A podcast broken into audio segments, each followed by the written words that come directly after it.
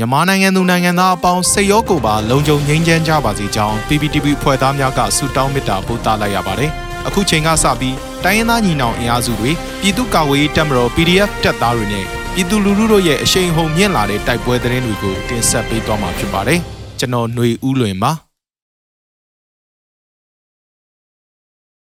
ပထမဆုံးအနေနဲ့စောမြို့နယ်တိုက်ပွဲမှာလက်နက်ကြီးပစ်ကူပေးတဲ့စစ်ကောင်စီတပ်9ဦးသေ4ဦးဒဏ်ရာရတဲ့တဲ့ရင်ကိုတင်ဆက်ပေးသွားမှာဖြစ်ပါတယ်။ မကွေးတိုင်းဒေသကြီးစောမြို့နယ်တဲကကံချောင်းမှာစက်တဘာ17ရက်နေ့ကဖြစ်ပွားတဲ့တိုက်ပွဲမှာစစ်ကောင်စီဘက်ကလက်နက်ကြီးပစ်ကူပေးသူ9ဦးကြာဆုံးပြီး4ဦးဒဏ်ရာရရှိခဲ့တယ်လို့သိရပါတယ်။တိုက်ပွဲမှာစစ်ကောင်စီတပ်တွေကို CDF ရောစော PDF ပူးပေါင်းအဖွဲ့တို့ကဝင်ရောက်တိုက်ခိုက်ခဲ့တာပါ။မကွေးတိုင်းဒေသကြီးစောမြို့နယ်ထဲမှာရှိတဲ့စစ်ကောင်စီတပ်များနဲ့ CDF မင်းတပ် CDF ကံပက်လက် PDF ရောနဲ့ PDF စောပူးပေါင်းထားတဲ့အဖွဲ့များဟာနေ့စဉ်တိုက်ပွဲထိတွေ့မှုများလည်းရှိနေပြီးစကားစတက်မှာစစ်ကားကိုးစီးအထိုင်ချထားတာကြောင့် တိုက်ပွဲဆက်လက်ပြင်းထန်လာနိုင်တယ်လို့ဒေတာကာကွယ်ရေးအဖွဲ့တွေကဆိုပါတယ်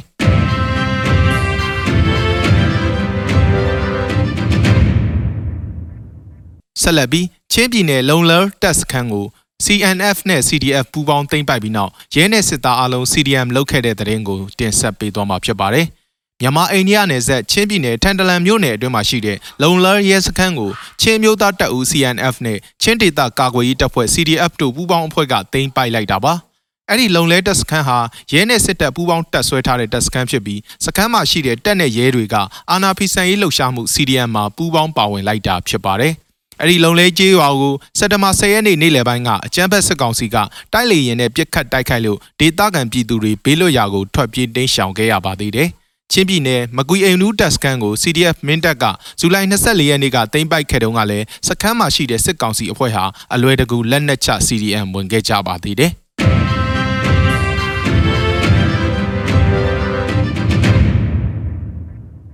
ဆက်လက်ပြီးတနင်္သာရီတိုင်းတရချောင်းမြို့နယ်ကတဲချောင်းကြီးရဲစခန်းကိုဝင်ရောက်စီးနင်းရှာဖွေခဲ့တယ်လို့ဒေသခံပြည်သူ့ကာကွယ်ရေးတပ်ဖွဲ့တစ်ခုဖြစ်တဲ့ဒေါင်းမင်းစစ်စင်ရေးအဖွဲ့ကထုတ်ပြန်လိုက်တဲ့သတင်းကိုတင်ဆက်ပေးသွားမှာဖြစ်ပါတယ်။ အဲ့ဒီရဲကင်းစခန်းဟာတောင်ပြောက်တိုက်နယ်အတွင်းစစ်ကောင်စီတပ်ဖွဲ့ဝင်တွေလာရောက်တပ်ဆွဲချိန်မှာအ धिक အသုံးပြုတဲ့နေရာဖြစ်တာကြောင့်ဝင်ရောက်ရှာဖွေရတာလို့ထုတ်ပြန်ထားပါတယ်။ရဲကင်းစခန်းကိုစက်တဘာလ17ရက်နေ့လယ်တနာရီခွဲလောက်ကဝင်ရောက်စီးနင်းရှာဖွေခဲ့တာဖြစ်ပြီးစစ်ကောင်စီတပ်ဖွဲ့ဝင်တွေကြိုတင်တိမ်းရှောင်သွားတဲ့အတွက်စခန်းကရဲမှတ်တမ်းတွေကိုသာတင်စီနိုင်ခဲ့တယ်လို့ဆိုပါတယ်။ ရဲကင်းစခန်းဝင်ရောက်စီးနင်းပြီးနောက်ရွာအတွင်းကစစ်ကောင်စီအုပ်ချုပ်ရေးမှုအပါအဝင်စစ်တပ်တရင်ပေးသူ2ဦးရဲ့နေအိမ်ကိုလည်းဝင်ရောက်ရှာဖွေခဲ့ပေမဲ့မတွေ့ရှိခဲ့ဘူးလို့ထုတ်ပြန်ထားပါတယ်။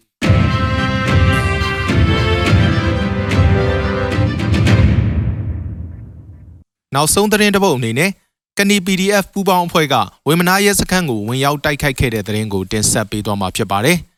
စက်တဘာလ17ရက်ည10:00နာရီခန့်မှာကနီ PDF နဲ့မြန်မာ Defense Force တို့ပူးပေါင်းတပ်ဟာကနီမြို့နယ်ဝေမနာနယ်မြေရဲစခန်းကိုစီးနင်းခဲ့တယ်လို့သိရပါတယ်။စခန်းကိုဝိုင်းထားပြီးပြည်သူနဲ့အတူပူးပေါင်းမှုကန့်လန့်ခဲ့ပေမဲ့စကားဆတပ်ဖွဲ့များကညင်းပယ်ခဲ့တာကြောင့်တိုက်ပွဲမိနစ်90ကျော်ဖြစ်ပွားခဲ့ပြီးမိုးလေဝသအခြေအနေကြောင့်တက်ဆုပ်ခဲ့ရပါတယ်။တိုက်ပွဲမှာဝမ်နာရဲစခန်းကရဲမေတအူကြာဆုံးခဲ့ပြီး KPDF ပူးပေါင်းအဖွဲ့ထိခိုက်မှုမရှိခဲ့ဘူးလို့သိရပါတယ်။စက်တဘာ12ရက်မနက်9:00နာရီခန့်မှစပြီးဆက်လက်တိုက်ပွဲဝင်ခဲ့ရာ နေ့လယ်တနာရီခန့်မှာမုံရွာနာမခကရဟတ်ရင်နဲ့ပြစ်ကူပေးခြင်းတက်ကူအင်အားဖြစ်တင်းခြင်းတွေကြောင့်တက်ပြန်ဆုတ်ခဲ့ရတယ်လို့လည်းဆိုပါတယ်။ဒီနေ့တိုက်ပွဲမှာလည်းပြည်သူတပ်ဖွဲ့ဝင်များအထိကိမရှိခဲ့ပဲစစ်ကောင်စီဘက်ကထိကိကြဆုံးမှုတွေရှိခဲ့တယ်လို့သိရပါတယ်ခင်ဗျာ